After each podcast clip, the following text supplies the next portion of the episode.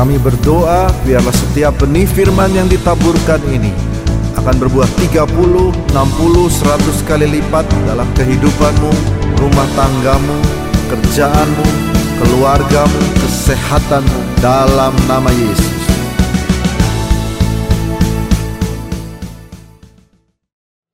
Amin. Shalom semua silakan duduk. Thank you buat kehormatan dan sukacita bisa berbagi di tempat ini. Almarhum ayah saya sering melayani di sini katanya. Albert thank you ya.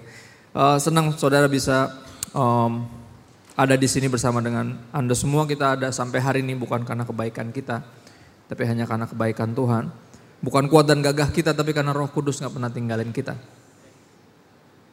Saya rindu bagikan satu pesan Tuhan tentang melayani hari ini karena bulan ini tema tentang itu, sudah tentang melayani. Saya beri judul Serve Like Jesus atau melayani seperti Yesus. Kita ke Galatia 5 ayat 13. Muka Anda masih tegang, saya ngerti. Saya lebih mirip dari server sebelah saudara daripada Makanya Alkitabnya dibuka saudara biar biar mukanya nggak kayak gitu ya. Biar lebih percaya bahwa oh dari firman Tuhan kok gitu ya.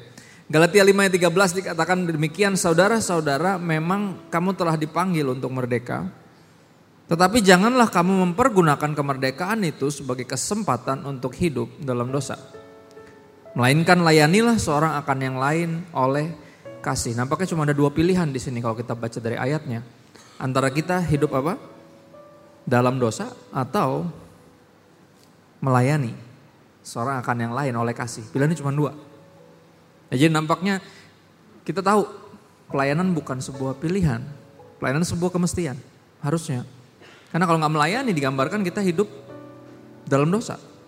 Dan ini sesuatu yang mungkin nggak populer. Saudara kan mengira ya terserah saya dong, hak saya dong mau pelayanan apa enggak kan gitu.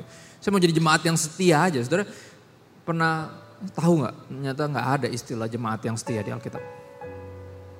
Ya adanya cuman hamba dan cuma ada dua jenis hamba. Hamba yang baik dan setia sama hamba yang jahat. Dua-duanya hamba. Dua-duanya pelayan. Dua-duanya servant. Gak ada jemaat setia tuh gak ada. Saya juga gak tahu siapa yang bikin. Jadi akhirnya orang pikir, ah saya bukan panggilan saya pak untuk melayani. Saya cuma jemaat yang setia. Padahal gak ada posisi itu di Alkitab. Ya, cuma ada hamba, tapi hamba yang mana? Ya, nampaknya melayani adalah sebuah kemestian. Kalau enggak melayani kita akan apa? hidup dalam do dalam dosa. Ya muka Anda masih curiga. Saya ngerti. Makanya ini baru mulai, Saudara. Nanti kita akan kembali ke ayat itu lagi setelah kita belajar banyak dari firman Tuhan. Dan akan jadi lebih masuk akal ayatnya.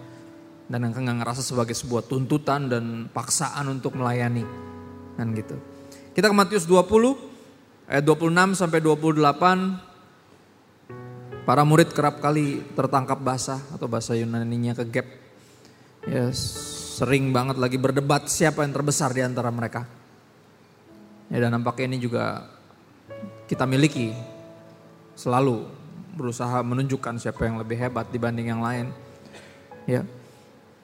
Dan ini yang Yesus katakan di ayat 26 dari Matius 20 ketika kembali murid-muridnya ter, terlibat dalam perdebatan ini. Saudara, ada momen di mana bahkan mereka berdebat siapa yang terbesar. Terus Yesus bilang gini, pada ngomongin apa sih? Terus dia bilang apa? Mereka bilang apa? Enggak, enggak ngomongin apa-apa. Mau bohongin Yesus. Emang Yesus nggak tahu. Ya, Itulah dia murid-murid. Dan kita sempat mengira kita bisa kayak gitu juga. Emang Tuhan nggak tahu? Tahu lah. Ya, ayat 26, barang siapa yang ingin jadi besar di antara kamu, atau ayat 26 dimulai dengan, tetapi tidaklah demikian di antara kamu. Artinya apa? Orang dunia berlomba untuk jadi yang paling hebat, paling besar, paling dianggap, paling-paling, kan gitu. Tapi tidak di antara kamu. Mestinya anak-anak Tuhan ada perbedaannya.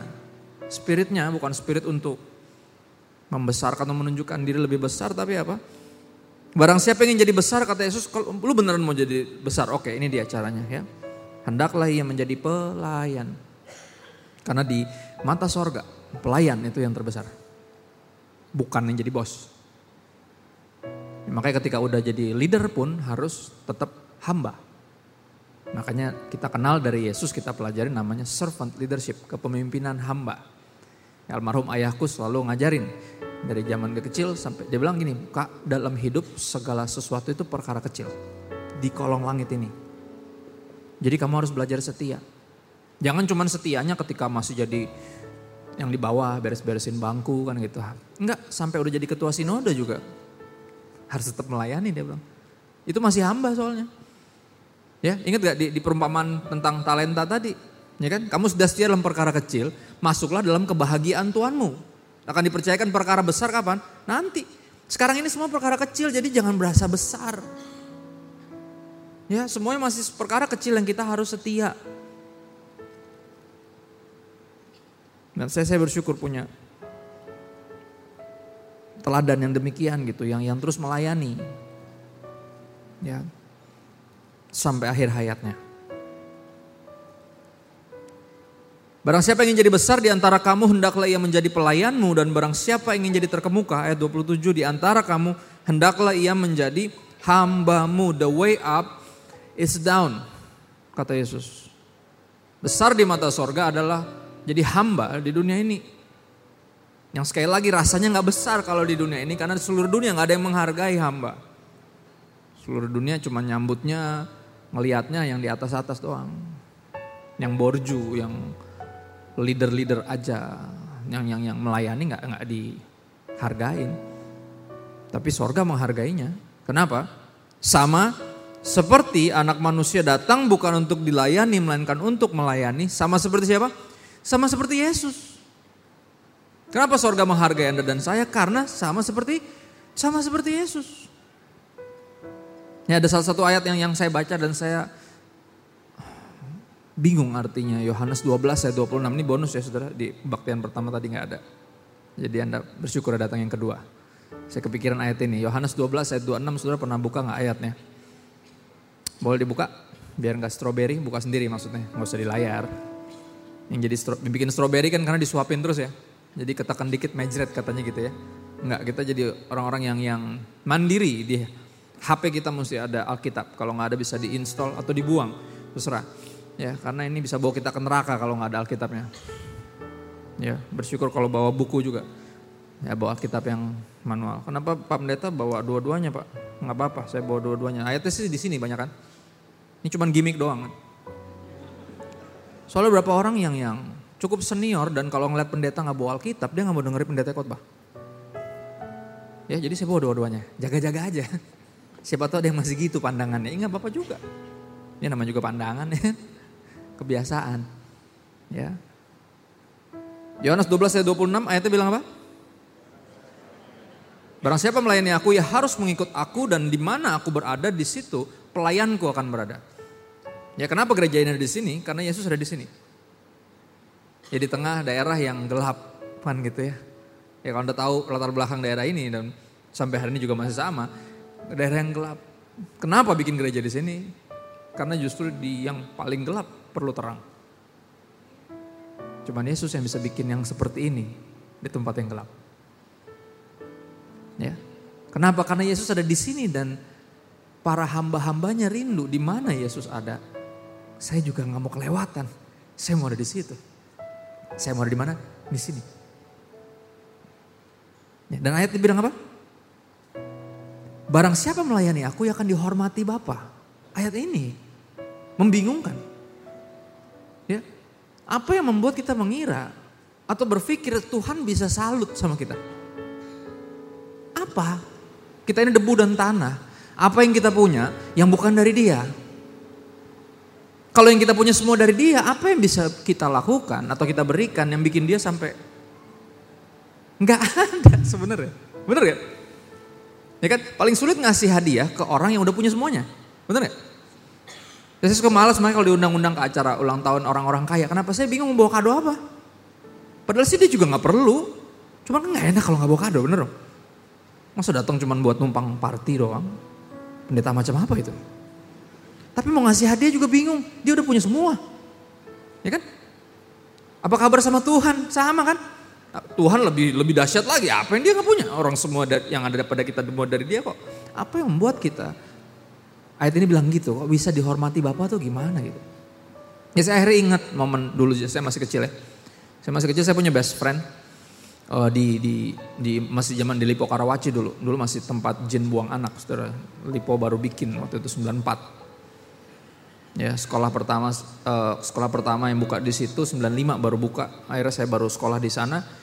Itu sekolah mahal sebenarnya, undernya Pelita Harapan. Dia namanya Dian Harapan. Jadi bawahnya lah. Masih mahal. SPH waktu itu pakai dolar bayarnya. Ya dan entah gimana keluarga pendeta sederhana ini bisa mental ke Lipo Karawaci karena dia di Jakarta rumah lebih mahal lagi kan gitu. Jadi hari kita di sana nyicil 10 tahun, nanti kita nggak mampu ada di sana. Ya, dan akhirnya jelas nggak mampu juga untuk sekolah di sekolah ini. Akhirnya saya punya teman best friend di situ isinya orang-orang berada semua rata-rata. Ya, dan, dan di satu waktu lagi libur saya datang ke rumahnya. Karena saya hampir tiap hari main ke rumahnya best friend saya. Saya panggil nggak keluar yang keluar pembantunya. Dia bilang oh tuan muda lagi les. Udah kalau tuan muda tuh pasti darah biru ya nggak mungkin darah kotor kan. Orang kaya nih pembantunya ini loh saudara baru dan dia ngeliatin saya dari atas ke bawah karena pasti dalam hatinya nih kayak dalam universe apa? Tuhan muda temenan sama orang seperti ini. Atas bawah, atas bawah. Ya udah dia masuk. Saya baru ingat, oh iya les, les itu kan kalau lagi libur nggak libur. Sekolah yang libur. Dia bilang, oh iya saya lupa, ya udah saya tungguin deh 10 menit lagi juga pulang saya tahu. Saya orang best friend saya kok, saya tahu jam lesnya dia. Terus keluar lagi pembantunya, emang kenal di mana mas? Nah kata-kata ini, ini sebenarnya Penghinaan ini. Cuma karena saya masih kecil, masih SD nggak ngerti. Ya. Oh, saya teman satu sekolah. Sekolah di mana? Di situ Dian Harap saya ceritain. Dan saya ceritain sampai karena karena anak pendeta sederhana ya. Saya ceritain sampai dapat apa di, di apa di, di dapat keringanan biaya sampai saya ceritain. Karena kita orang nggak mampu, saking senengnya karena diajarin sama papa tuh kalau Tuhan bikin sesuatu kita harus bersaksi. Ke siapa aja. Jadi nggak ada yang nyuruh saya bersaksi, saya bersaksi, saya ceritain. Kenapa bisa sekolah di situ? Yang saya yakin menjawab kekepoan dia, kenapa lu bisa temenan sama tuan muda kan gitu. Ya udah saya jelasin sampai kesaksian, mukanya juga agak malas lah mati kayak eh, bodo amat kan gitu kan. Udah dia masuk lagi. Akhirnya pas lagi ngobrol nih lagi ngobrol, tiba-tiba papanya keluar, papanya teman saya. Saya nggak pernah ketemu sama papanya. Dan yang saya tahu adalah dari telepon yang pernah diangkat papanya galak. Super sibuk. Ya, nggak pernah ketemu. Kenapa bisa ada di situ? libur. ya kan? Libur. Dia keluar tiba-tiba udah gini. Kenapa sih ribut-ribut? Oh saya panik. Wah papanya nih kayaknya. Gawat nih. Ya kan? Ada apa sih ribut-ribut? Oh si Kristo kata dia gitu. Kenapa gak disuruh masuk? Pengen saya ngomong tuh tahu tuh pembantu lo kan gitu. Pengen ngomong gitu, cuman nggak mungkin. Saya juga nggak ngerti. Ya. Saya masuk dengan perasaan takut, sama bingung. Kok dia bisa kenal saya? Orang saya nggak pernah ketemu. Ini kan duduk di ruang tamu, terus dia bilang ini, Kristo kamu udah makan belum? Ini ada nasi goreng babi nih enak. Gitu. Kristen kan? Ya dong. Kalau Kristen makan babi kan rugi ya saudara. Salah satu privilege jadi orang Kristen makan babi ya. Ya, babi itu nggak haram kalau udah matang. Harum. kalau dibayarin harus, apalagi ditawarin ya. Harus lah, rugi lah kalau nggak. Ya. Cuma karena saya nggak enak dan takut, karena saya tahu dia galak dan saya bilang, aduh udah makan om, masih masih kenyang, padahal lebih, lebih takut sebenarnya. Ya, ini yang saya bingung. Ya, gimana caranya dia bisa tahu siapa saya? Dan bahkan sampai saya dapat privilege untuk diajakin makan bareng. Dita, di, di, ditawarin masuk ke rumahnya sendiri sama dia. Sederhana, jawabannya apa? Karena saya teman anaknya. Apa yang membuat sorga? Bapak sampai menghormati kita? Sederhana. Karena kita apa? Teman anaknya. Ini kita sama Yesus nih. Ya, bahasa Yunani-nya hopeng. Ya, kita ini rekan sepelayanannya. Kita ini sahabatnya. Kita ini teman seperjuangannya, sependeritaannya. Ya kan di tengah dunia yang membawa kita tergoda untuk dihormati sama seluruh dunia. Ya, Yesus ngasih tahu, the way up is down. Sama seperti anak manusia datang bukan untuk dilayani, melainkan untuk melayani dan untuk memberikan nyawanya menjadi tebusan bagi banyak orang itu jenis pelayanan yang paling hebat yang Yesus lakukan. Yang mengubah hidupmu dan hidupku. Ya, kalau Yesus nggak melakukan itu, kita akan hidup buat diri kita sendiri. Kalau Yesus nggak melayani, kita nggak akan kepikiran untuk melayani. Ya, Yohanes 13 coba kita lihat. Bagian Alkitab yang kita rata-rata udah tahu, oh ini Yesus nyuci kaki murid-muridnya. Saudara ingat bagian ini? Ya. Saya langsung jemput di ayat 4.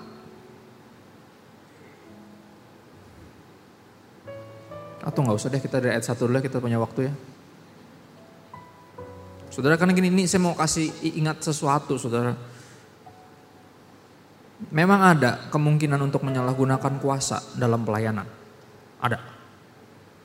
Tapi untuk tidak melayani, itu artinya kita menyia-nyiakan kuasa. Menyia-nyiakan sama penyalahgunaan sama.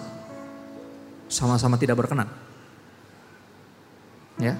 Jadi masuk pelayanan bukan berarti kita kebal untuk tidak menyalahgunakan kuasa. Ya, kita tentunya tahu ya, awal tahun 2023 di bulan Maret, sekitar Maret Dunia dikejutkan dengan film dokumenter seri judulnya Holy Betrayal, pengkhianatan suci in the name of God atas nama Tuhan. 10 seri, saya nonton cuma satu, nggak kuat, mual, marah. Kenapa? Karena ini kisah nyata. Dokumenter bukan cerita, bukan. Ya, penyalahgunaan kuasa atas nama Tuhan. Ayat 1, sementara itu sebelum hari raya Paskah mulai Yesus telah tahu bahwa saatnya sudah tiba untuk beralih dari dunia ini kepada Bapa untuk dia disalib. Sama seperti ia senantiasa mengasihi murid-muridnya, demikianlah sekarang ia mengasihi mereka sampai kepada kesudahannya. Ini yang saya saya apa ya kagumi dari cintanya Tuhan. Tuhan mengasihi kita semuanya sampai kepada kesudahannya, sampai titik darah penghabisan. Itu dia.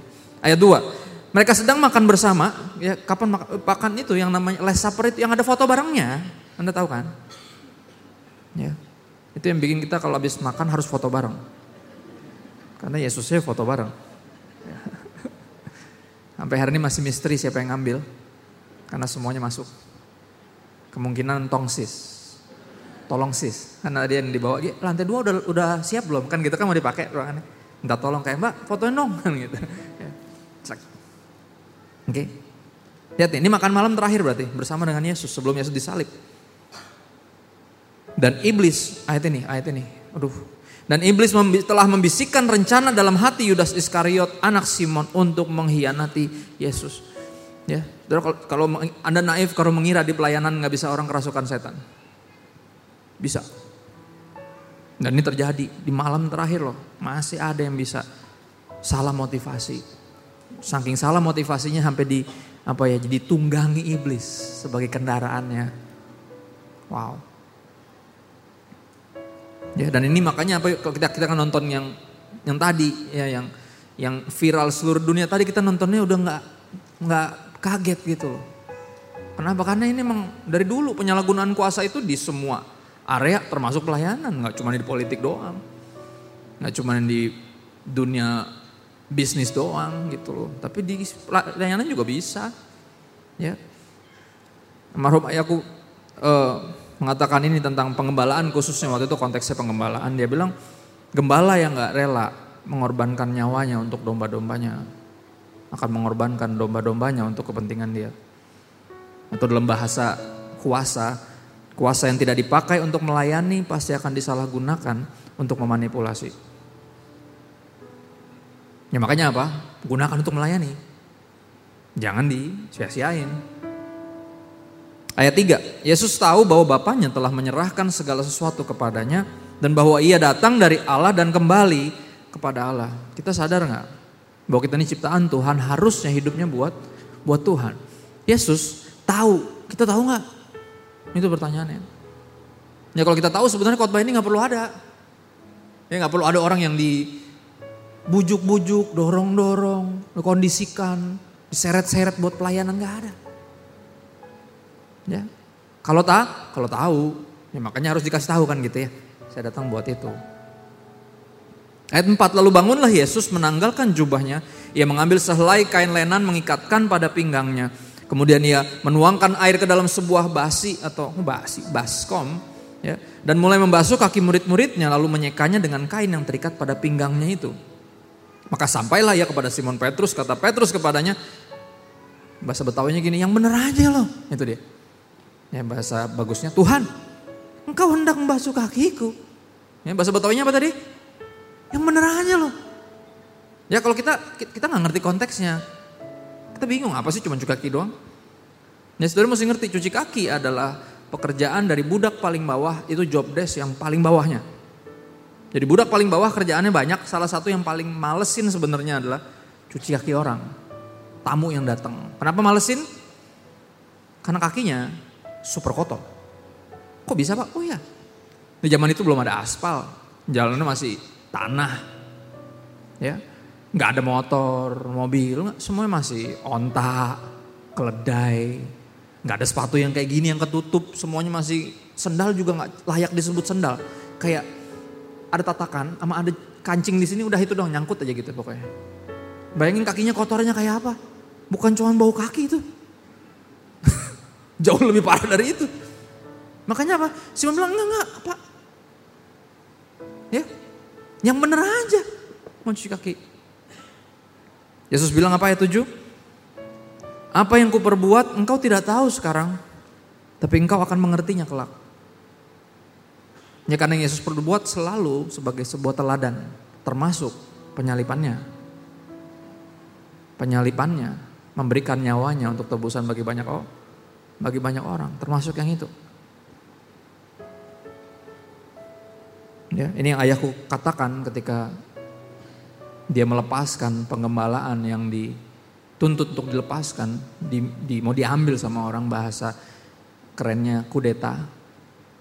Dan dia lepasin gitu aja, saya bilang serius dilepasin gitu aja, ya, ya iyalah.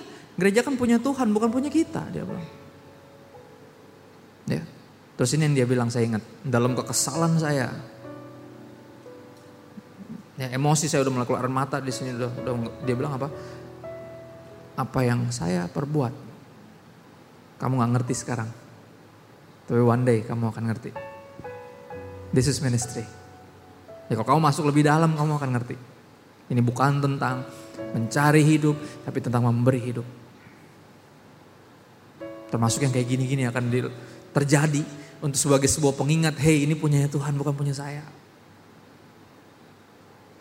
Ya.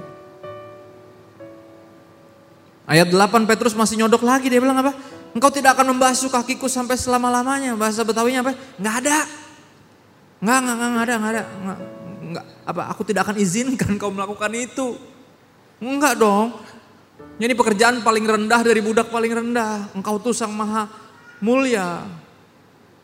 Yang paling besar. Yang paling layak dihormati.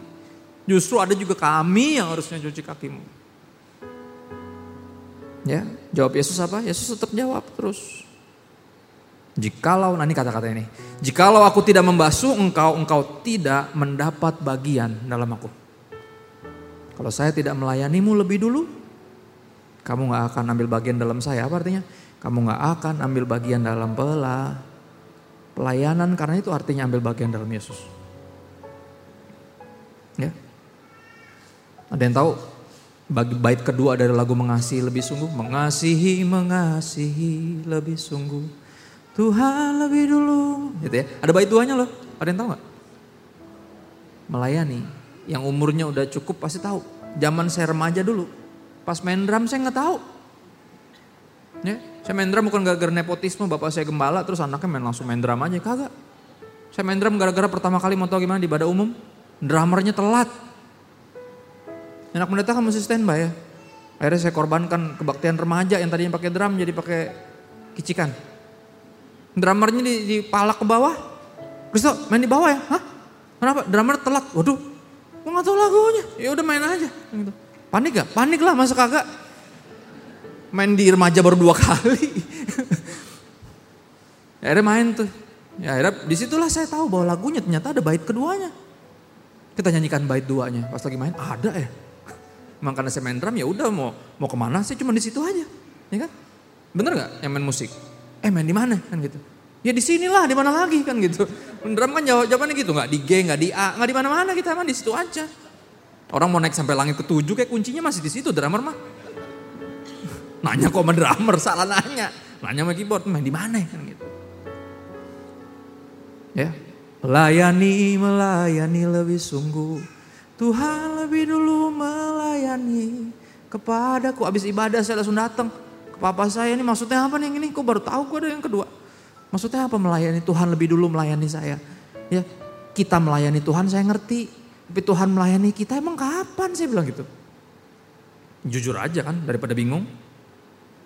Dan jawaban dia apa? Ya sama seperti dia mengasihi kita lebih dulu. Memberikan nyawanya di kayu salib. Dan di situ saya baru ngerti. Wow. Ya. Dan itu yang bikin saya pelayanan sampai hari ini. Kenapa? Dia lebih dulu melayani saya. Ya. Dan ternyata dia lakukan itu supaya saya ambil bagian dalam pelayanan. Ambil bagian dalam dia. Kalau enggak, enggak akan kepikiran. Kita itu punya kecenderungan pengen dilayanin kan. Makanya pas mesti beres-beres sendiri kan suka sebel kan. Kan ada beberapa restoran yang mesti beres-beres sendiri kan.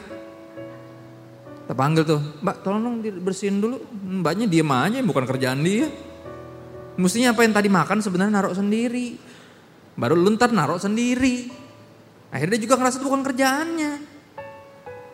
Kita bingung nih gak ada yang beresin, akhirnya menyadari, oh pada beres sendiri, ya udah kita beresin walaupun bukan kerjaan kita. Ya kan? Lanjut lagi ayat 12 coba lihat. Sesudah ia membasuh kaki mereka, ia mengenakan pakaiannya lalu kembali ke tempatnya. Lalu ia berkata kepada mereka, mengertikah kamu apa yang telah kuperbuat kepadamu? Bahasa Betawinya apa ngerti? Nangkep gak lo? gitu bahasa gampang gitu. Ngerti gak? Ya. Kamu menyebut aku guru dan tuan dan katamu itu tepat sebab memang akulah guru dan tuan. Dua posisi paling terhormat di era itu. Alim ulama, rabi, sama apa? Bos, majikan, atasan, lord, tuan. Saya memang yang paling atas kata Yesus. Jadi jikalau aku membasuh kakimu, ya, aku yang adalah yang paling atas, melakukan yang paling hina, yang paling bawah. Kamu pun apa? Wajib saling membasuh kakimu. Pelayanan sebuah kewajiban kata siapa? Kata Yesus. Sebenarnya sampai sini aja kita bisa mari kita berdoa. Masih bisa gitu, udah selesai mau debat apa lagi? Tuhan yang ngomong tapi Anda mukanya masih ya kurang percaya. It's okay. Saya juga kalau terima ayat gini pasti nggak terima. Kenapa dulu? Alasannya mesti jelas dulu dong. Main diwajib-wajibin aja kan gitu. Ya nggak ada kita yang suka dipaksa kan.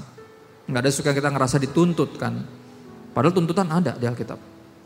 Ayat-ayat seperti ini yang jelas bilang apa? Wah, wajib. Kalau saya nggak mati di salib, kamu nggak wajib melayani. Tapi karena saya, ya, telah memberikan teladan ini ayat 15 makanya apa? Kamu pun wajib saling basuh kakimu sebab aku telah memberikan suatu teladan kepada kamu supaya kamu juga berbuat apa? Sama seperti yang telah ku perbuat kepadamu. Serve like Jesus. Kenapa kan Jesus? Serve. Aku berkata kepadamu sesungguhnya seorang hamba gak lebih tinggi daripada tuannya ataupun seorang utusan daripada dia yang mengutusnya.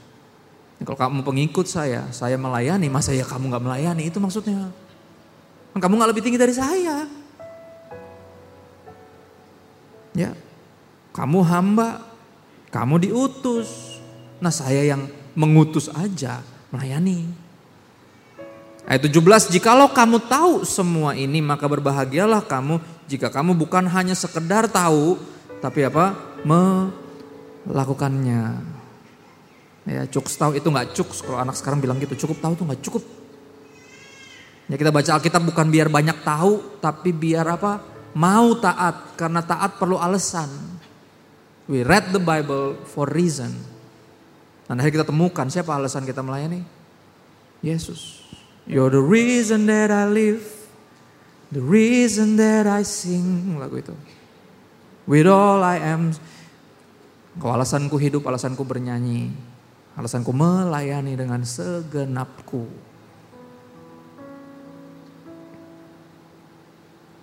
Teringat quotes, bukan quotes sih apa yang papa bilang dulu, almarhum bilang gini.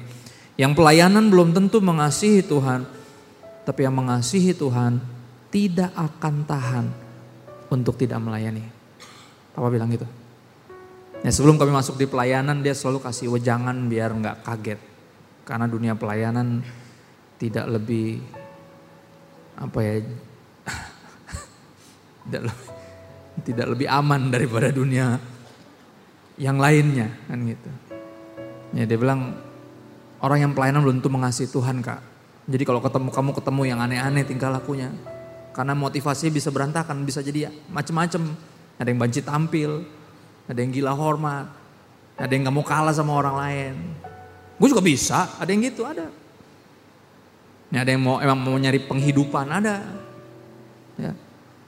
Jadi kalau ketemu yang gitu gak usah kaget, udah di briefing kata si Bapak, jadi kamu gak usah norak. Ya. Orang yang pelayanan belum tuh mengasihi Tuhan, tapi ini yang Papa bilang dan saya ngerti. Dia bilang gini, tapi orang yang mengasihi Tuhan tidak akan tahan untuk terus tidak melayani. Ya, pasti akan punya kerinduan untuk melayani Tuhan. Yang sungguh-sungguh mengasihi Tuhan. Yang sungguh-sungguh udah menerima, ya, mengalami sendiri pertolongan Tuhan, penyediaan Tuhan, mujizat Tuhan, kesembuhan dari Tuhan. Ya pasti punya kerinduan di hati yang gak bisa ditahan justru malah sulit untuk menahan diri dari gak melayani. Itu lebih sulit justru. Ya, Makanya ada lagu-lagu kayak gitu kan. Dengan apa kan ku balas segala kebaikanmu. Segenap hatiku menyembahmu Yesus. Ku bersyukur padamu. Orang yang tahu terima kasih. Pasti nggak mungkin cuman suka dan nyaman dan fine-fine aja dengan sekedar menerima. Pasti juga rindu untuk apa? Memberi, karena itu artinya terima kasih.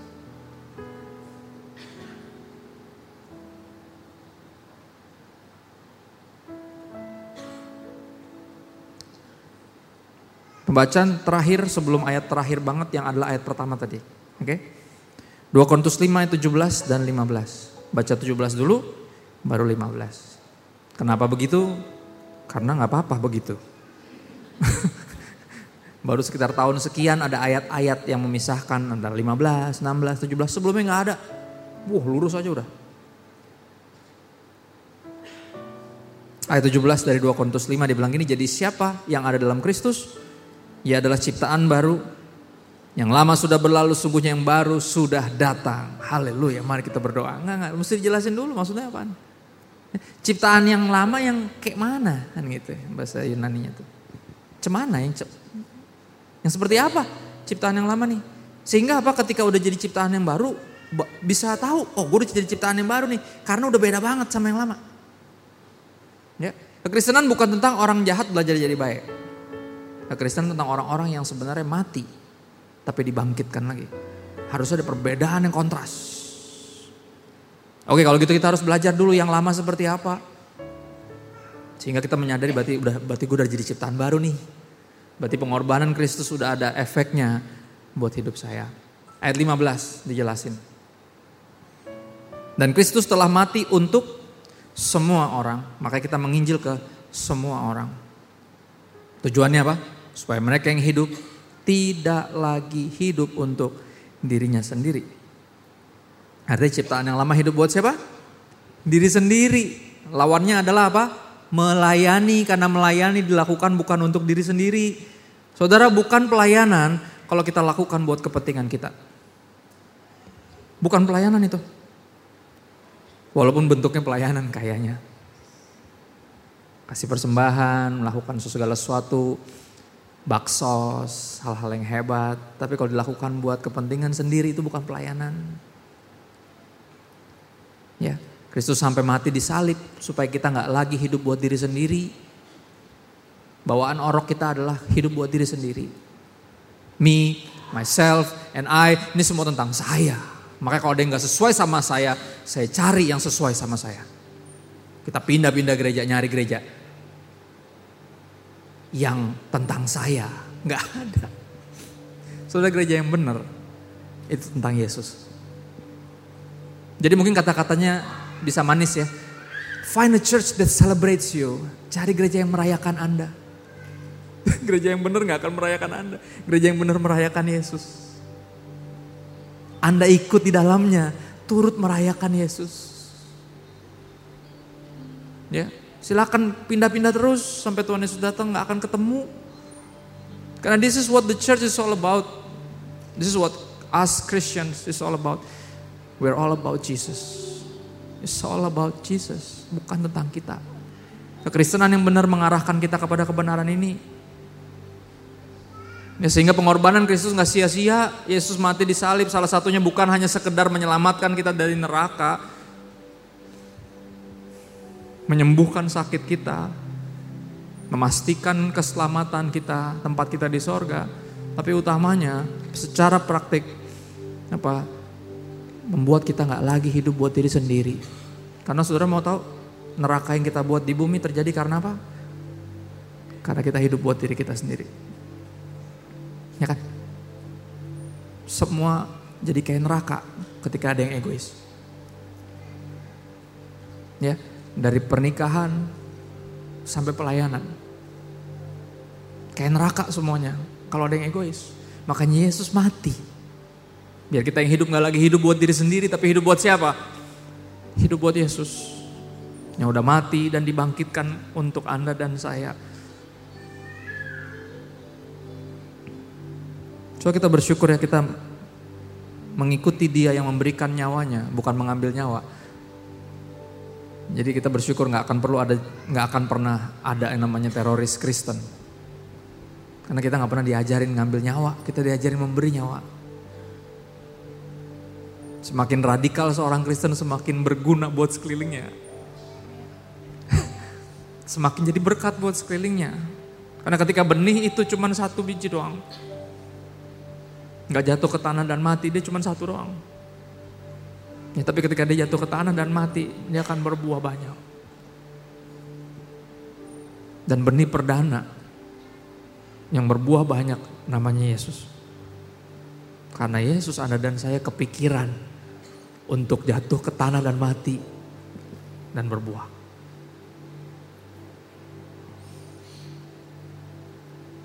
Seperti janji saya, saya balik ke Galatia 5 ayat 13, kita ke situ lagi.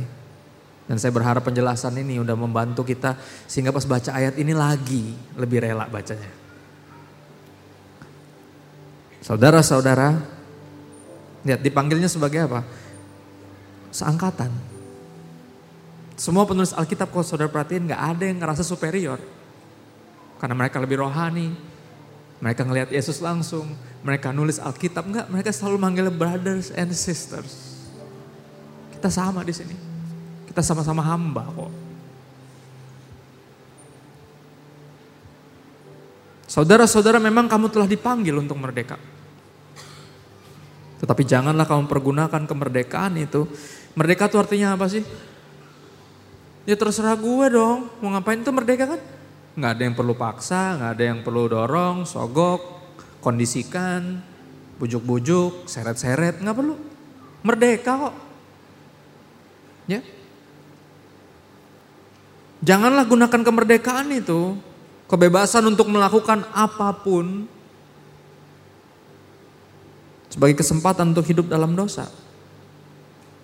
Tapi apa? Pakai kemerdekaan itu untuk melayani seorang akan yang lain oleh kasih. Ya saya tutup dengan ini. Ingat kisah anak yang hilang? Anak yang bungsu yang begajulan itu kan pulang tuh akhirnya. Karena apa? Gak ada pilihan lain. Kalau dia nggak pulang dia mati kelaparan kan. Sudah ingat kisahnya?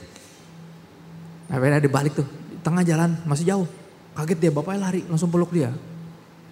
Kaget dia dipikir bakal diomelin, dimaki. Ya, pindahin kartu keluarga lah minimal ya. Enggak. Kaget. Peluk. Ngambil dipeluk dia berusaha untuk kasih tahu kenapa gue gak layak dipeluk. Aku udah berdosa terhadap apa dan sorga. Aku gak layak disebut anakmu. Papanya nampak gak terlalu dengerin itu. Sibuk bapaknya ngurus. Coba tolong nih dimandiin dulu. Ya pakein jubah, kasih cincin, pakein sepatu. Dia masih anak saya. Anak saya pulang. Potong lembu yang paling gemuk. Kita bikin pesta yang paling besar yang ada anak saya pulang. Tapi anak ini nggak silau dengan semua sambutan itu. Dia masih tetap dengan kesadaran penuh. Dia bilang, Bapak, Aku udah berdosa terhadap Papa dan terhadap sorga. Dengerin dulu Pak. Aku gak layak disebut anakmu. Terus apa yang dia bilang? Can I serve you? Gak ada yang paksa dia. Gak ada yang takut-takutin dia pakai neraka. Iming-iming dia pakai sorga, kesembuhan dan mujizat, berkat. Dia tahu. Gak ada kemerdekaan di luar dari papanya. And this is freedom. Dari hati saya sendiri. Saya bilang sama papa, can I serve you? Boleh nggak? Saya jadi salah seorang dari hambamu, boleh nggak? Dan saudara, ini kemerdekaan. Gak ada orang yang lebih merdeka daripada mereka yang jadi hamba Tuhan. Dan Yesus mati buat ini. Memerdekakan kita. Makanya dia bilang apa? Ketika anak memerdekakan, maka kita sungguh-sungguh merdeka. Dan aku berdoa dengan kemerdekaan yang Anda dapat dari Tuhan. Hari ini pilih. Kita mau hidup buat siapa? Buat diri kita sendiri dalam dosa? Atau mau hidup dalam pelayanan bersama dengan Tuhan? Ingat, bukan hanya melayani Tuhan, tapi melayani bersama dengan dia. Maka kita dikenal dan dihormati Bapak. Kenapa? Karena di sepanjang hidup ini kita bersama dengan Yesus. Di mana Yesus ada, kita ada di situ. Kita nggak mau kelewatan Tuhan. Apalagi Tuhan mau bikin di mana lagi sih saya mesti ikut. Saya mau ambil bagian walaupun kecil. Ya kayak nama-nama yang tertulis di bawah tuh.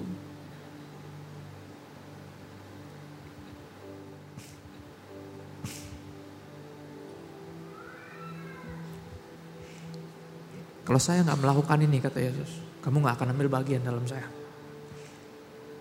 Tapi dia melakukan itu di kayu salib. Ya, saatnya kita merespon, kita berdoa sebentar yuk. Maka kami bersyukur buat hadirat Tuhan. Secara mata jasmani kami nggak bisa melihat engkau hadir di sini, tapi suaramu dan firmanmu sangat jelas di telinga kami. Meyakinkan kami bahwa engkau Tuhan yang dekat. Nggak pernah tinggalin kami. Bersabar ketika kami menghabiskan hidup kami buat diri kami sendiri. Dan ini kami di sini sampai saat ini. Hanya karena anugerah Tuhan. Dan mulai detik ini kami nggak mau sia-siain lagi anugerah Tuhan. Kami mau hidup hanya untuk Tuhan. Dalam pelayanan. Tanpa paksaan, tanpa sogokan, tanpa udang di balik bakwan. Tapi dari hati yang sungguh-sungguh bersyukur sama Tuhan. Atas kasihmu, atas pengorbananmu yang menginspirasi dan menyelamatkan. Menyelamatkan kami dari neraka, dari dosa, dan dari diri kami sendiri. Roh Kudus bantu kami jadi pelaku firman bukan pendengar saja. Bantu kami ambil keputusan terbaik saat ini untuk hidup hanya bagi Tuhan melayani, ambil bagian dalam pekerjaan Tuhan. Oke, minta bantuan Roh Kudus kepada Bapak yang baik di dalam nama Yesus. Amin. God bless. Thank you. Amin. Haleluya.